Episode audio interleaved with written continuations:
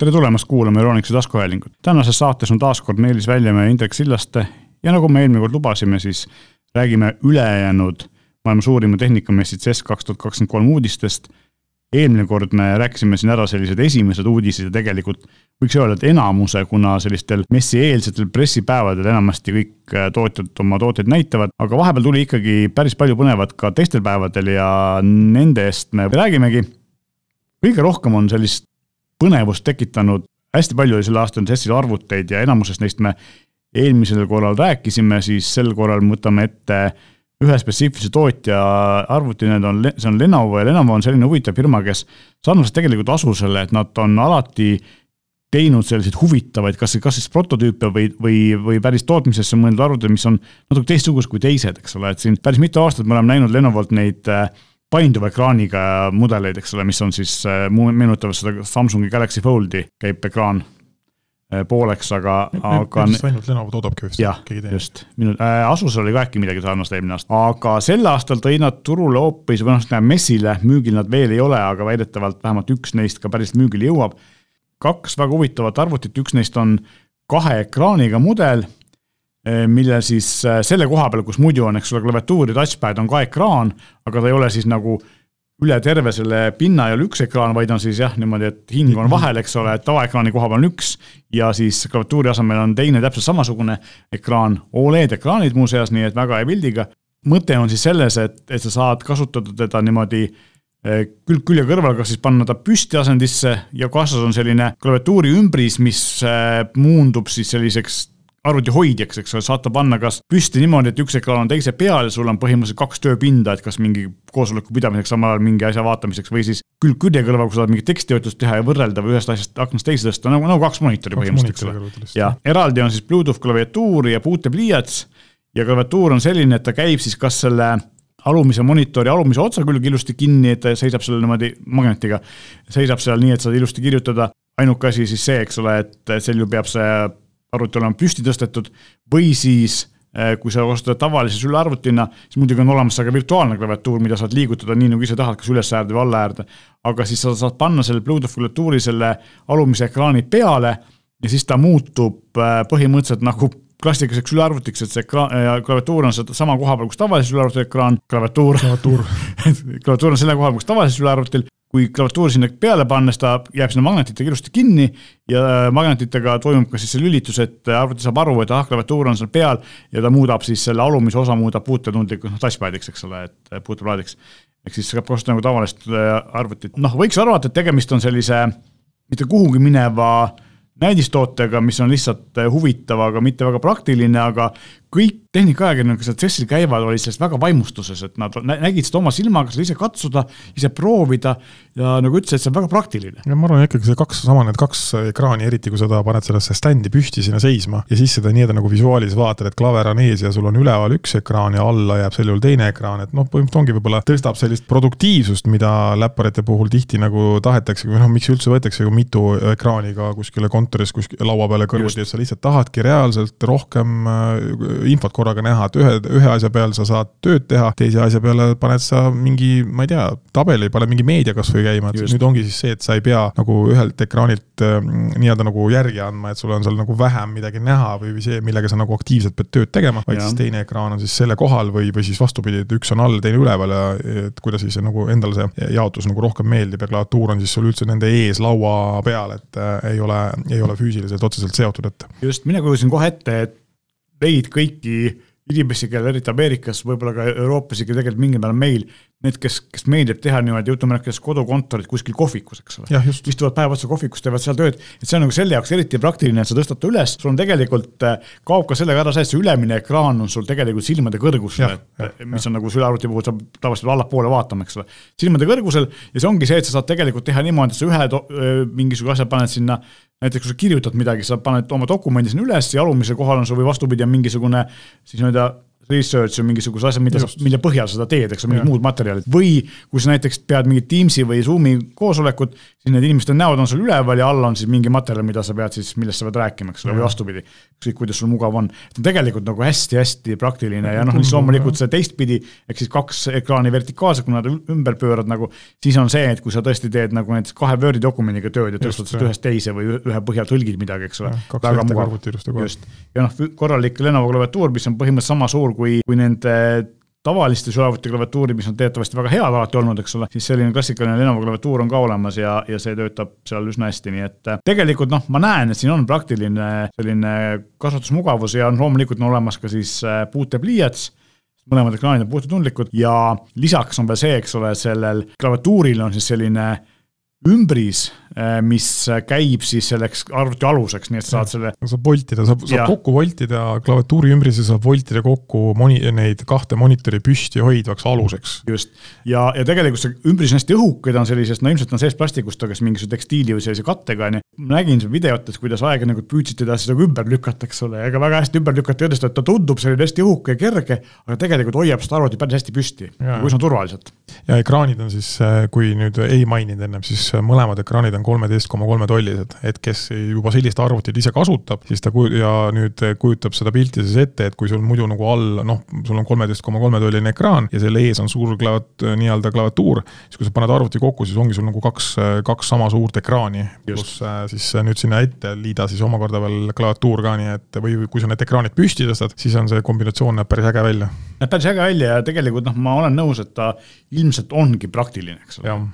et täitsa huvitav lahendus selline. ja teine Lenovo arvuti, mis on äh, vähemalt sama huvitav, aga võib-olla mitte nii praktiline, on siis äh,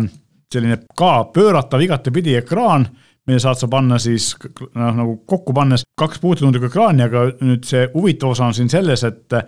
üks neist on Oled ekraan ja teine on siis e-ink ekraan, mis on samasugune nagu on e-lugeritel, ehk siis võtab väga vähe voolu, värvid on ja värviline e-ink ka kusjuures. värvid on küll e-inkil muidugi kehvad ja videot sa seal peal ei vaata, sest et selle konkreetse ekraani, vist oli kaksteist kaadrisekundis oli tema see kaadrisagedus. no e-ingil on ka tavaliselt see, et see temal see just see reageerimisaeg on ka suht vaata madal, et ta on niisuguse info, niisuguse staatilise info näitamiseks on ta väga hea,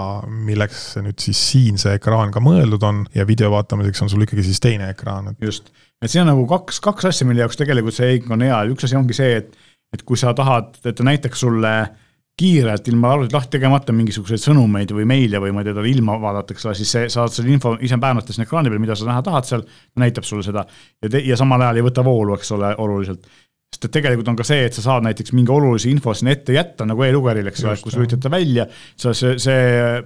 pilt jääb ette. see pilt jääb ette, eks ole, mis seal parajasti on. ja teine asi, mis on see, et tal on loomulikult puutepliiats ja teatavasti ka Amazon on nüüd teinud, Lenovo tegi ka siin äh, näiteks CES-il sellist äh, e-lugeri tüüpi asja, mis on tegelikult mõeldud märkmete tegemiseks, ehk siis kuna see e-ink ekraan meenutab siiski nagu üsna palju paberit, eks ole. siis sinna peale kirjutada on tegelikult parem kui sellise tavalise LCD ekraani peale, puutepliiatsiga või iPadi või sellise peale, siis tegelikult ta töötab ka sellise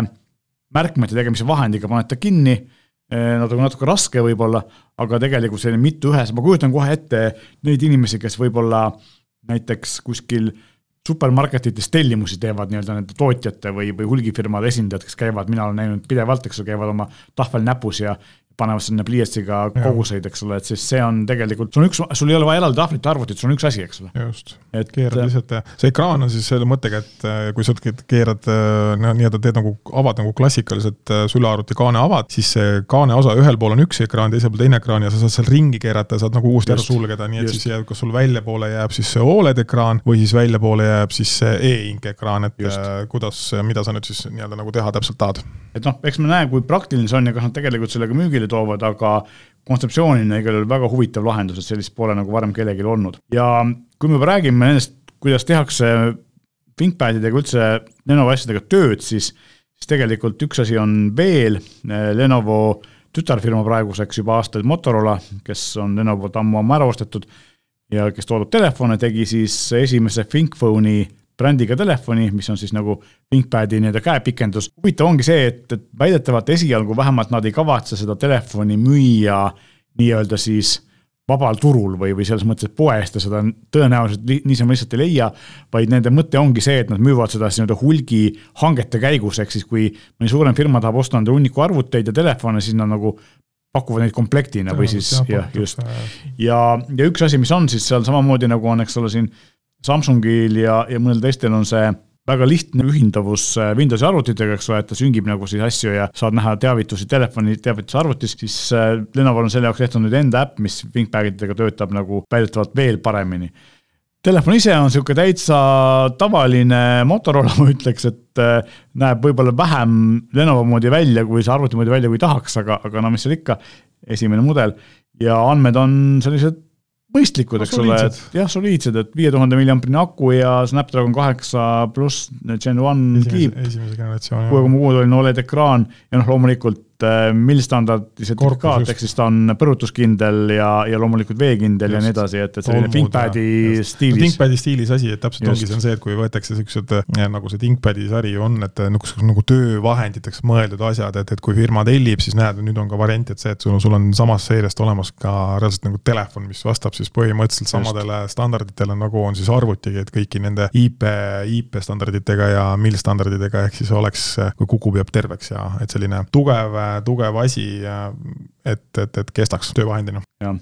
ja siis see tarkvara, millest me rääkisime ennem, on siis think-to-think connectivity. Ja seal on igasuguseid asju, aga üks minu arust kõige huvitavamaid asju ongi see, et kõik asjad, mida sa teed, et mingid märkmed, mida sa kirjutad, pildid, mida sa teed, süngitakse siis automaatselt arvutisse ka ja tegelikult see on mõnes mõttes mugav, sest ma tean inimesi, kes peavad näiteks kuskil laos tegema pilte, pärast nad arvutisse laadima, et see on tegelikult nagu päris selline. vahetult kohe. vahetult kohe, eks ole. põhimõtteliselt, kui sul on äh, seadmed kõrvuti, siis teoreetiliselt sa saad lohistada ühest seadmest info teise. ehk läppar on sul äh, mobiili kõrval, sa oled midagi teinud ja sa võtad nii-öelda nagu noh, näiteks ma saan ka iirt, iirtset kasutada nii telefonil kui arvutil, et sa nagu ühest seadmest nii-öelda jah, nagu lohistad selle andmed äh, teise, et see on siis selle, selle asja mõte.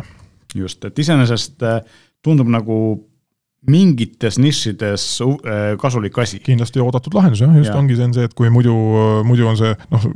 täpselt see, nagu sa tõid selle pildi saatmise, et teed kuskil pildi, sul on vaja see läpparisse saata või noh, seal mille, mille, midagi sellega vaja teha, siis äh, noh, kuidas sa saadad, ongi, panid kas meiliga või, või millegagi saatsid või mingi kiirjagamisega üle, siis nüüd on see, tehakse lihtsalt lihtsamaks natukene. just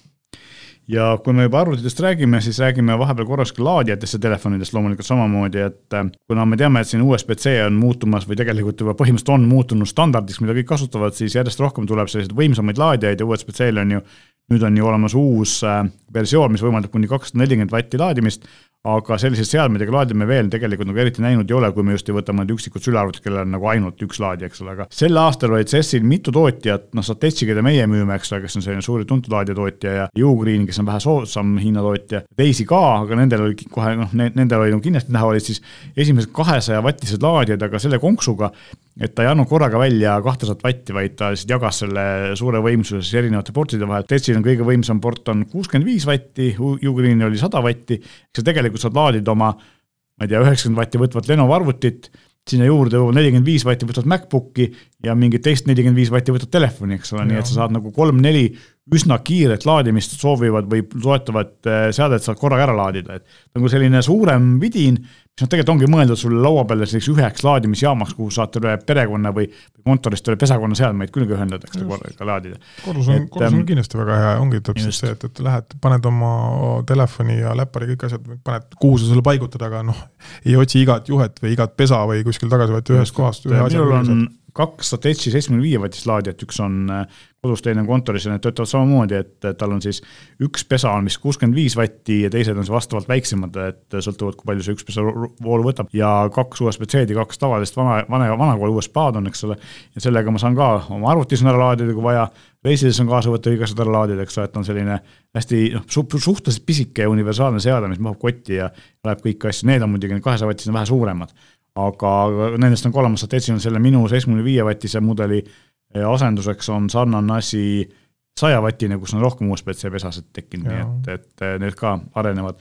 aga ühesõnaga, et laadijad lähevad võimsamaks ja, ja noh, kuna järjest rohkem tekib kiirelt laetavaid USB-C seadmeid, siis tegelikult eh, see on väga teretulnud nähtus, et me saame, ei pea mitut laadijat kuskil hoidma, vaid saame ühest pesast ära laadida enamuse oma seadmeid korraga, eks ole. ja selle on nagu... kokku on tal siis kuus USB-C väljundit Just. kokku, ehk siis kuus ja... seadet korraga, aga siis tema toitejaotus tehakse siis vastavalt, et kes, mis ütleme, kuuskümmend viis, nelikümmend viis, kakskümmend, kakskümmend, kakskümmend, kakskümmend, et. jah, ja Ugreenil on siis vastavalt äh, neli USB-C-d ja kaks äh, tavalist USB-d ja need neli USB-C-d jagunevad samamoodi, et kaks tükki annavad välja kuni sada, mitte korraga, aga siis kahe peale jaotatuna ja kaks annavad välja kuni kuuskümmend viis samuti kahe peale jaotatuna ja siis vastavalt sellele, mis võimsusega asjad seal sees on, sest see ja, jaotub kuidagi nutikalt ära, eks ole, nii et et äh, huvitav tulevik ka laadijate maailmas. juhtmevabadusest la, laadimisest me eelmine kord rääkisime ja siis me mainisime, et tegelikult võiks ju tulla ka juhtmevabad telerid, juhtmevaba toitega telerid, sealmaal veel ei ole aga juhtmevaba signaaliedastusega telerit Telge näitas ja siis mul tekkis esimene mõte oli see, et noh, et tegelikult praegu me oleme, kui meil on uus teler ja me ei vaja sinna mingit mängukonsooli või Blu-ray mängijat, midagi sellist külge ühendada, siis tegelikult me saame juba juhtmevabalt selles mõttes signaali mõttes hakkama, et äh, wifi ja äppidega, mis telekas on, eks ole, saab ju nii Eesti kanaleid kui kõigi voogedastus streaming platvorme vaadata, nii et see ongi, ongi tegelikult juba juhtmevaba, aga kui sa nüüd tahad ühendada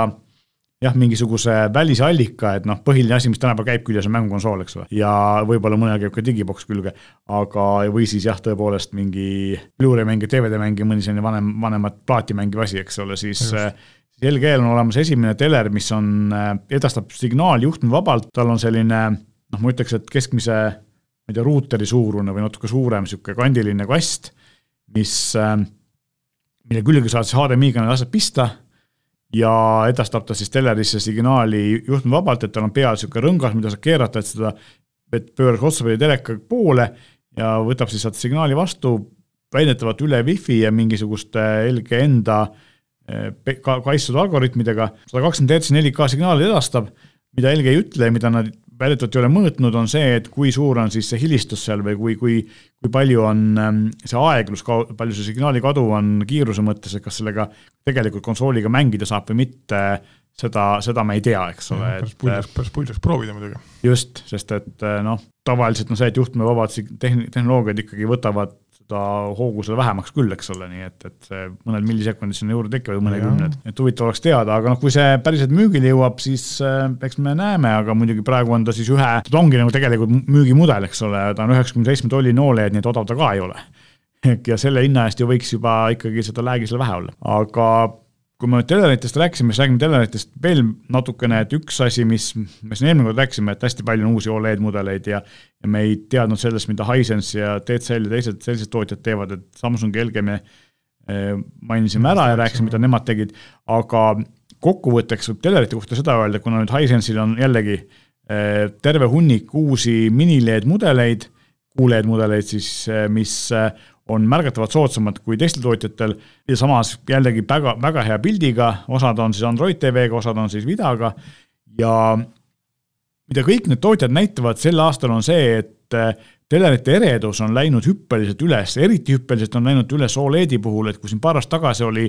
Oled maksimaalselt tuhat nitti, nüüd on nad kahe tuhande niti kandis maksimaalne eredus, mis on topelt, eks ole, et eh, noh, eelmine aasta nad olid seal kuskil pooleteise kandis vist maksimaalselt. ehk siis eh, noh, see on juba selline, et kui sul ikka väga ere päike otse ekraani peale paistab, saab ka vaadata, eks ole. aga noh, enamuses ikkagi kui nad saavad sellise ereduse tekitada samasuguse voolutarbe juures, kui see praegu on, siis tegelikult tähendab seda, et kui ma selle kodustes tingimustes, normaalses tingimustes ereduse maha keeran, ta võtab ju kõvasti vähe voolu ka, eks, et on tegelikult ka säästlikum. ja see on nagu üldine trend täna, selle aasta telerite ja mudelite puhul, et nii siis Oledil kui LCD-l, mis on see uued mini, mini-LED-iga telerid, millel on tegelikult rohkem neid mini-LED või tsoone, eks ole, et seal on veel, veel rohkem eredust, siis nii Hisense kui Samsung näitavad siin telerid, mis on kahe tuhande viiesaja niti kandis, nii et ikkagi väga-väga-väga eredaks lähevad asjad. päikseprillidega. päikseprillidega vaatame. saad juba päikesepaistelist ilma vaadata. see on nagu, nagu see, et kui äh, kaameratel on, vähemalt vanasti oli see megapiksli võidujooks, eks ole, siis siin on nüüd nitideks ereduse võidujooks, aga noh, ilmselt äh, kuskil arvati, et on liiga vähe ja siis nüüd on vaja juurde panna, ma olen kuulnud, et äh, nii-öelda siis filmi tootmises tehakse HDR mastering tehakse nelja tuhande niti juures ja ma ei kujuta ette, kuidas need äh, inimesed, kes sellega tegelevad, seda pilti vaadata saavad, aga ju siis saavad. telekate mõttes järgmine aasta on ka vaja uued välja anda. no just, ma mõtlen seda, et kuidas silmadele mõjub, eks ole, et on nii ere pilt, aga no, ma arvan, ma arvan, seal vaadatakse seda heledas ruumis äkki, valges ruumis, sest mitte sa ei istu hämaras, hämaras oleks see muidugi meeletult, meeletult kõrge, aga võib-olla lihtsalt on hästi valgustatud ruum ja seal ta Just. peabki sulle kõrge niti ka. mõte on lihtsalt selles, et oleks siis sellel HDR-il seda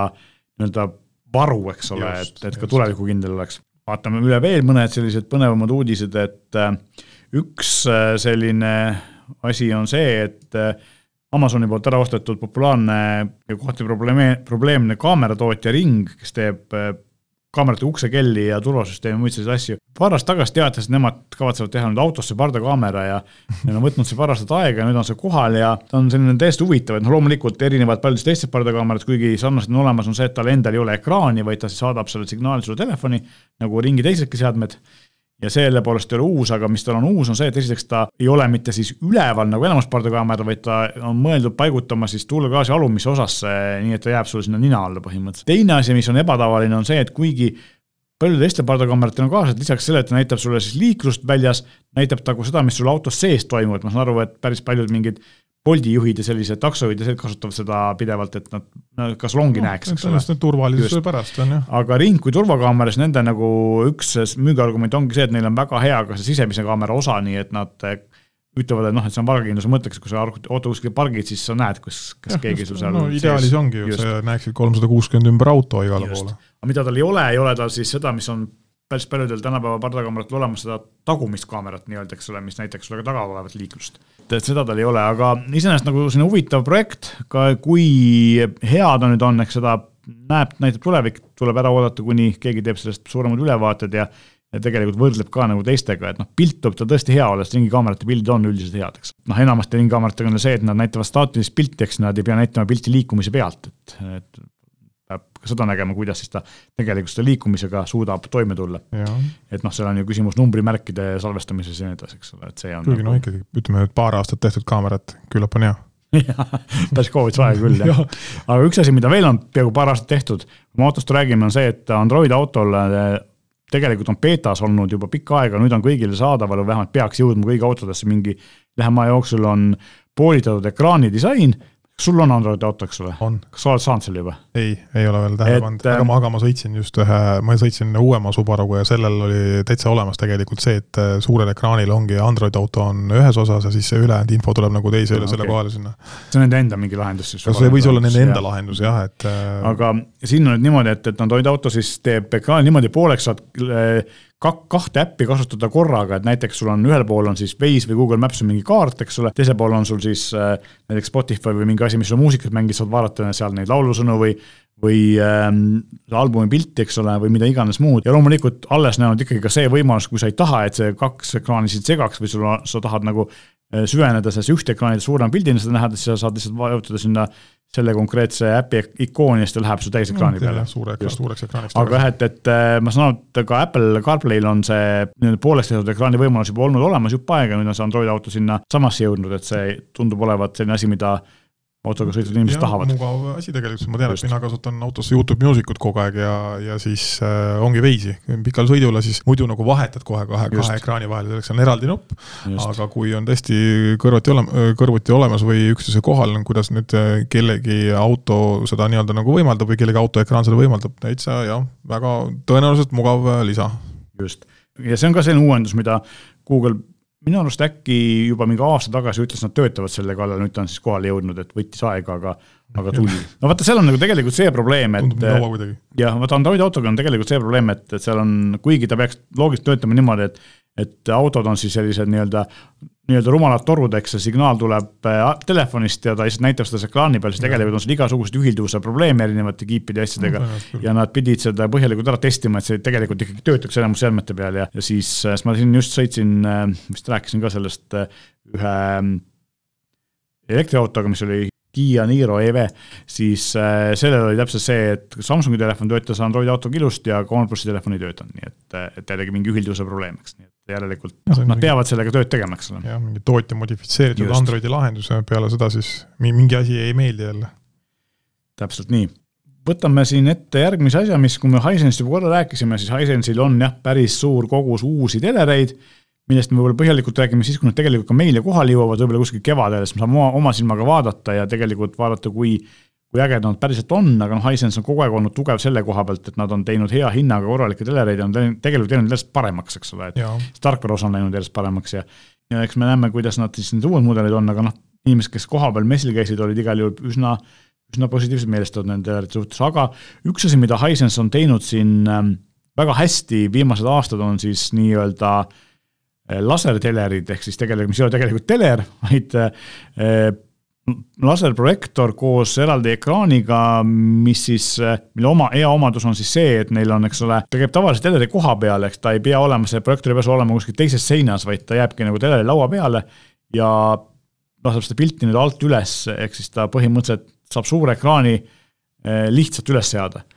Selle aasta nad on teinud siis kaks asja, et nad on muidugi andnud välja tohutu koguse uusi mudeleid, lausa vist viis uut äh, laserprojektori mudelit ja nad on teinud selle mm, nii-öelda tootevaliku kaheks, ühte nad nimetavad laser TV-ks, teist nad nimetavad laser kinoks. vahe on selles, et laser TV on siis äh, sada või sada kakskümmend tolli, jah, vist sada viitkümmend tolli veel ei olnud, aga sada, sada kakskümmend tolli mudelid, millel on äh,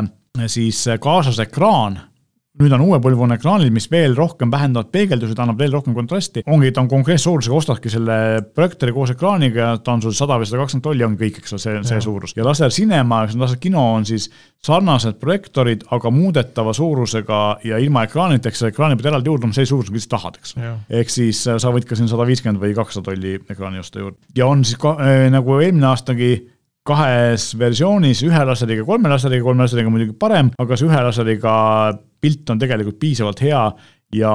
miks on see suur uudis on tegelikult see, et ka Sony ja LG ja Samsung teevad sarnased projektoorid ja mõned nagu spetsiaalsed projektooritootjad ka, aga Hisense'i hinna-kvaliteedi suhe on neil ikkagi väga hea, et siin see meil müügil olev mudel saja tolline on alla kaks tuhat kaheksasada, kaks tuhat seitsesada, midagi sellist, eks ole. poole odavam kui teistel, jah. just, ja pilt on tegelikult päris hea. teine asi, mis Hisense tegi, aga mille hinda me veel ei tea, on maailma esimene minilaserprojektor, ehk siis ta on kaasavõetav, pisike, tuhat kuussada äh, luumenit äh, eredusega, väga ere ja 4K pildiga. tahaks kohe näha, kui head pilti see näitab, et see on siis selline, millel ekraani kaasas ei ole, sa võid kasutada ekraani, aga Hisense ise ütleb, et ta töötab edukalt ilma ekraanita, tal on olemas sama, sarnase näiteks Samsungi miniprojektorile, Freestyle'ile, on siis selle ekraani värvitooni kompenseerimine peal, ehk siis kui sul on sein, mis on värvitud lihtsalt kas halliks või beežiks või midagi sellist, mis ei ole tingimata valge, siis ta oskab selle vastavalt seda muuta niimoodi, et see pilt on nagu värvid on nagu õiged, eks ole. võimalikult õige näeks peal välja. just, ja, ja see on nagu sihuke jällegi selline hea magamistoa või lastetoa lahendus või eh, teise asjana, eks ole, kuskile suvilasse kaasa võtta, et sa, sa ei taha telerit hoida pidevalt. jäädki igale poole kaasa, kus just. tahad, et lähed, lähed kuhugi välja, hea kompaktne asi, telekat pole ja saad sinna peale midagi näidata ja oma, oma nii-öelda meediat teha. ja siis noh, mõte on selles, et kuna ta on laseriga, siis ta ja siis ta peaks olema märgatavalt parema pildiga kui enamus teisi miniprojektoreid, aga noh, ma hinnanud ei ole öelnud, aga tõenäoliselt on ta märgatavalt kallim kui teised pildiprojektorid, et sest lasertehnoloogia on ikkagi praegu veel veidi kallim, aga noh, samas kui me vaatame neid, neid lasertelereid, siis tegelikult ega seal ei ole see hind enam kallim kui tavalisel projektoril, eks ole, vähemalt korralikul projektoril, et hinnad on suht sarnased või isegi odavamad, nii et võib-olla Hisense toob ka selle hinnarevolutsiooni ka siia kui me korraks räägime veel helist, siis tegelikult üks äh, selline noh, igasuguseid soundbar'e, kõlareid, asju oli palju, aga väga palju ei olnud ähm, selliseid suuri uudiseid, huvitav oligi see näiteks, hästi palju räägiti sellest, et JBL äh, andis välja tohutu hunniku uusi tooteid ja tegelikult meil siin Euroopas olid need JBL soundbar'id ja kõrvaklapid juba enne olemas, eks ole, et jah, et, et tavaliselt on see, et Ameerika saab enne ja siis Euroopa saab järgmisena, aga JBL seekord tõi asjad välja ennem Euroopas ja siis USA-s mis on USA firma kohta ebatavaline, aga ju siis olid seal mingid, mingid asjad, miks nad nii tegid. aga Nakamichi näitas oma Dragon soundbar'i, mis ähm, oli nagu tõenäoliselt tegemist kõige parema heliga soundbar'iga, mis üldse kunagi tehtud on, või vähemalt ühe parimatega, ühega parimatest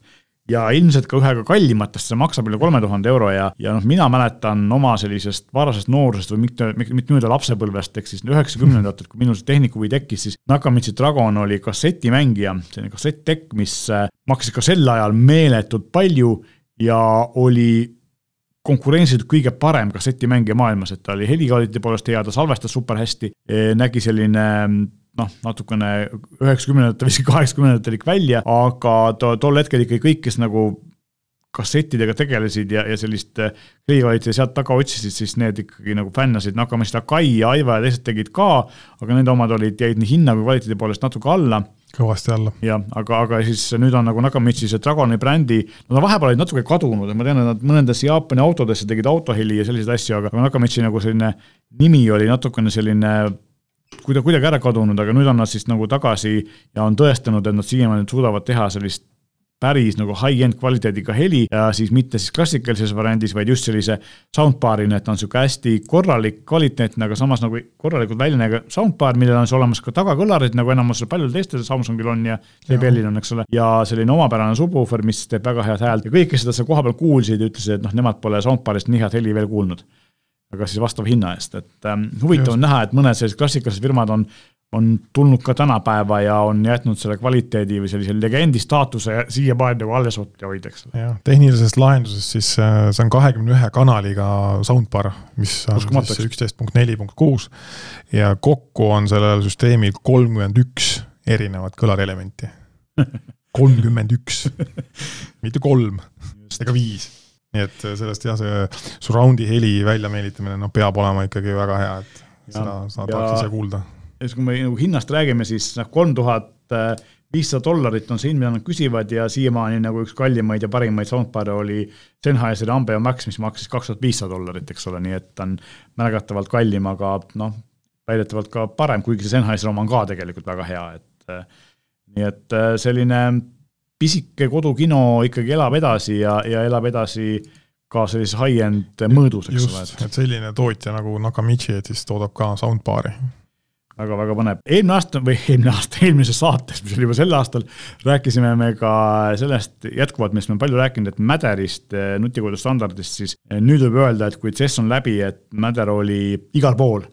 uusi seadmeid tuli nagu seeni peale vihma, kõik lubasid uuendada oma vanad seadmed ka siin kolme kuu kuni poole aasta jooksul ära ja ikkagi noh, Samsungil oli uus, see oli huvitav asi, et nagu me siin oleme rääkinud, et Matter selleks, et erinevaid seadmeid, erinevaid tootjaid seadmeid hästi ühendada omavahel, vajab sellist border router'it või mingit seadet, mis on pidevalt vooluvõrgus ja siis, mis tõlgiks, eks ole, siis Samsungil oli olemas äh, siis Matter selline hub, siis millega sa, saab ühendada seadmeid, aga mis ühtlasi oli ka juhtmevaba laadija ja seal peal on üks pisike nupp, mida sa ühe nuppvajutusega saad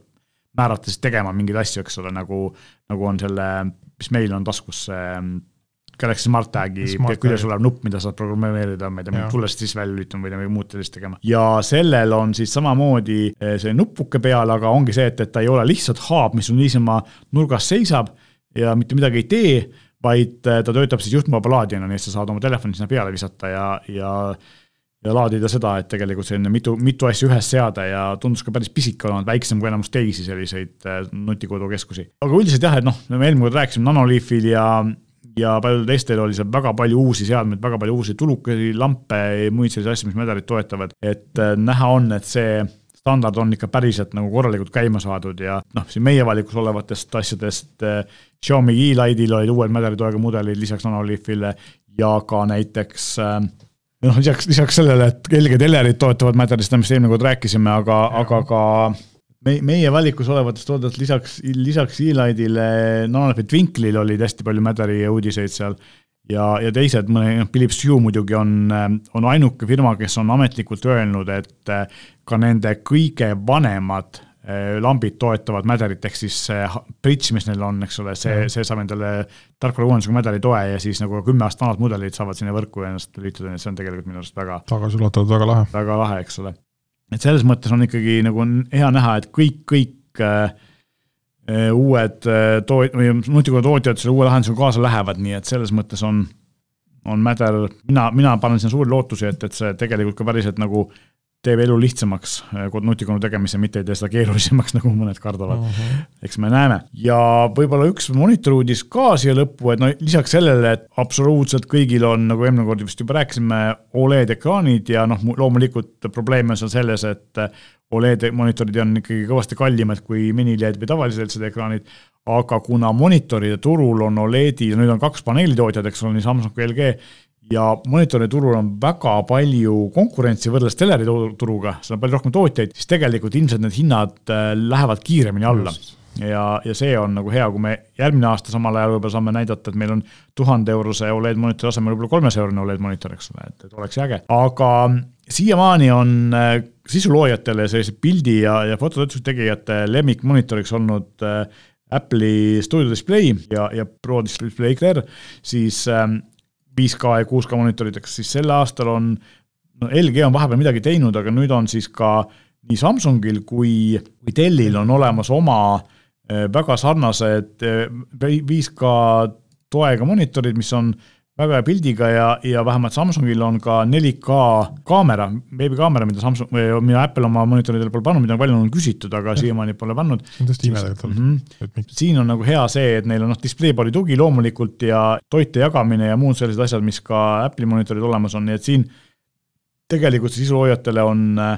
on nüüd konkurentsi palju ja ma kujutan ette, kui Samsung, ma arvan, et seal on see, et, et miks need nüüd tulid, on nad, keegi ilmselt Samsung on teinud siis piisavalt hea ekraani, keda siis ka teised saavad kasutada ja ilmselt siin on tulemas ka, ma arvan, ka teistelt sarnaseid monitore, nii et ka selline profimonitoride turg on saanud uut elu sisse ja Apple seal ainu, ainuisiklikkust enam väga ei valitse, vaid on ka alternatiive tekkinud, mis on hea. loodetavasti siis ka hinnalangust oodata. just, ja teine asi, mis, mida Apple siin eh, sel aastal või eelmisel aastal on teinud ja mis nüüd eh, konkurentsi saab, on see, et iPhone'id said teatavasti ju satelliitside toe, ehk siis tegelikult sellise hädaabisõnumite saatmise toe ja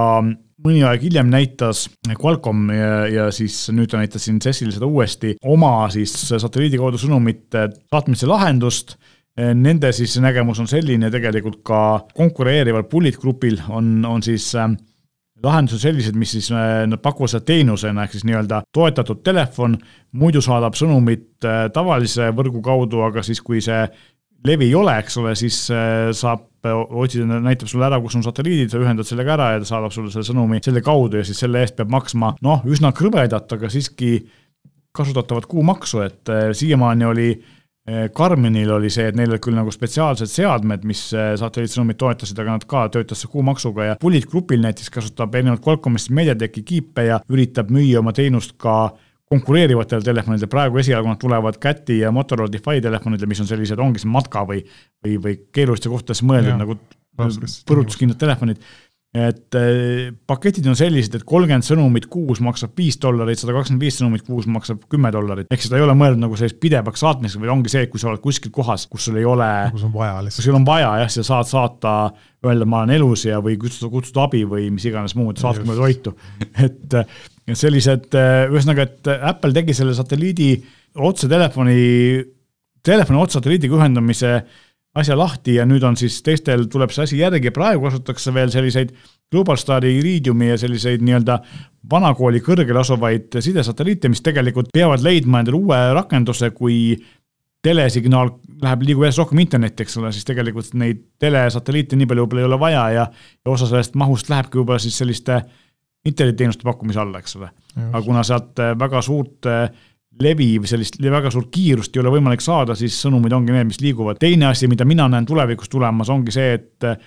et SpaceX ja muud teised madalal olevate väikesatelliitide kogud hakkavad ilmselt ka nagu võimaldama mingeid sõnumiteenuseid pakkuma eraldi lisaks sellele tavalisele internetiteenusele. ma just mõtlesin sama asja, et just. sellel on ju, SpaceX-il on ju meeletult suur äh, nii-öelda see katteosa üle oma nende satelliitide arvuga, et seal. just, et see üle selle, selle sõnumi saatmise äh, võib-olla lihtsus või kiirus või, või just see katteosa on veel parem aga ma millegipärast arvan, et, et siin juhtub see, et SpaceX teeb äh, mingil hetkel, kui, kui see ühilduvus saab nagu lihtsamaks, oma äpi, mida ta pakub kõigile tootjatele, ehk siis selles mõttes, et nagu põhimõtteliselt, kui telefon on piisavalt võimekas, et ta suudab seda satelliiti näha, mis ei tohiks olla suur probleem, sest SpaceX-i satelliidid on ja seal ei ole nagu väga suurt andmemahtu, eks ole, sa ei pea olema erinevast Starlinkist ei pea sa olema pidevalt nagu ühenduses, vaid see sõnum noh, ta on ju väike, väike maht, eks ole, see läheb kiiresti läbi, siis äh, ma arvan, et mingil hetkel nad teevad mingisuguse lihtsalt äpipõhise lahenduse ja ja ongi olemas, aga siia lõppu räägime natuke sellest, mida me tegelikult ei näinud äh, CES-il, mis on huvitav, et noh, Sony telerid, üldse Sony, alguses ütlesime, et telerid ei näita sellepärast, et me räägime Playstationist, PlayStation VR-ist ja ühtlasi ka siis äh, uutest autodest ja asjadest, siis tegelikult nad näitasid üsna vähe, näitasid küll jah, VR-i demod olid väljas rääkis sellest, et lõpuks ometi tuleb sel aastal välja Grand Turismo film, mida on tehtud ka vist vähemalt viis, viis, kümme aastat. kaua, väga kaua juba. ja sel aastal ta siis tuleb välja, nad tegid äh, PlayStation viiele sellise modulee-, modula-, modulaarse puldi sarnase nagu on Xboxil, ehk siis inimestele, puuetega inimestele, kellel on võib-olla mingid motoorikaprobleemid, saavad paremini mängida, eks ole, et see oli nagu suur asi. ja koostöös äh, siis Hondaga näitasid oma esimest autot, mis me siiamaani veel ei tea, millal see lõpuks välja tuleb, aga siis nagu päris disaini nägi selline üsna tavaline välja, ma ütleks, prototüübid nägid palju ägedamad välja okay. kui see. just, teine asi, aga Tellerid nad siin näidanud ja ilmselt nad näitavad neid kunagi eraldi kevadel uusi mudeleid. teine asi, mida sel aastal oli hästi vähe, oli 5G, ehk siis kui eelmistel testidel enne siin koroonat igasugused telekomi firmad äh, rääkisid, pidasid nagu neid avakõnesid ja rääkisid sellest, kui äge on 5G ja kuidas me kõik seda väga vajame, siis sel aastal oli lihtsalt uued 5G-ga mudelid, eks ole, telefonis asjadest mõned üksikud, aga tegelikult nagu 5G sellist suurt survet või sellist, kui äge see on, seda juttu nagu praktiliselt üldse ei olnud, et see on ilmselt nii tavaline, nii kohal juba, et sellest ei ole vaja enam rääkida.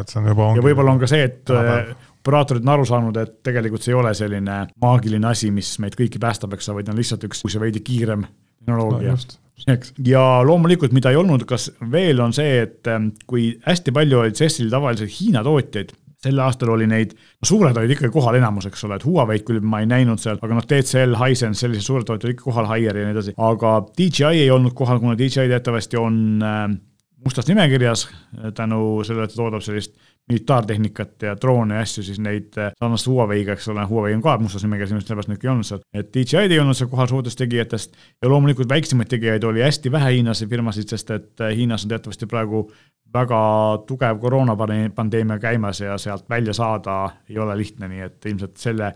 selle küüsi jäid päris paljud väiksemad hinnatootjad, keda seal ei olnud, et muidu me tavaliselt näeme seal nagu hästi palju selliseid uskumatult imelikke asju, sel aastal selliseid, selliseid jaburaid asju väga palju ei olnud, sest hinnatootjad lihtsalt olid nii vähe kohal, üks asi, mis mul silma jäi, oli see, et lapsevanker, mis ise sõitis siis, ehk ja. siis äh, mida noh, mina küll kasutada ei julgeks. seal oli, seal oligi juures, et last sees olla ei tohi. jah, just, et ja noh, selliseid teisi pisikesi kummalisi asju oli veel, aga, aga jah, selliseid väga-väga imelikke tooteid sel aastal ei, ei paistnud selline oli meie ülevaade siis äh, aasta esimesest ja ilmselt kõige suuremast tehnikamessist CES kaks tuhat kolmteist. järgmine nädal me räägime tõenäoliselt hoopis uutest toodetest, mida me ise proovinud oleme. sellega me selle saate kokku tõmbame, nii et tuletan teile meelde, et kui te soovite meile anda teada, mida me peaksime rääkima või kuidas seda saadet paremini ja teile meeldivamalt teha, siis palun kirjutage meile, meie meiliaadress on saade.euroniks.ee ja loomulikult võite jätta oma kommentaarid meie Facebooki ja Instagrami postituste alla, me loeme need kõik läbi ja teeme see saade täpselt nii, nagu teie soovite. meie aga täname kuulamast. kena päeva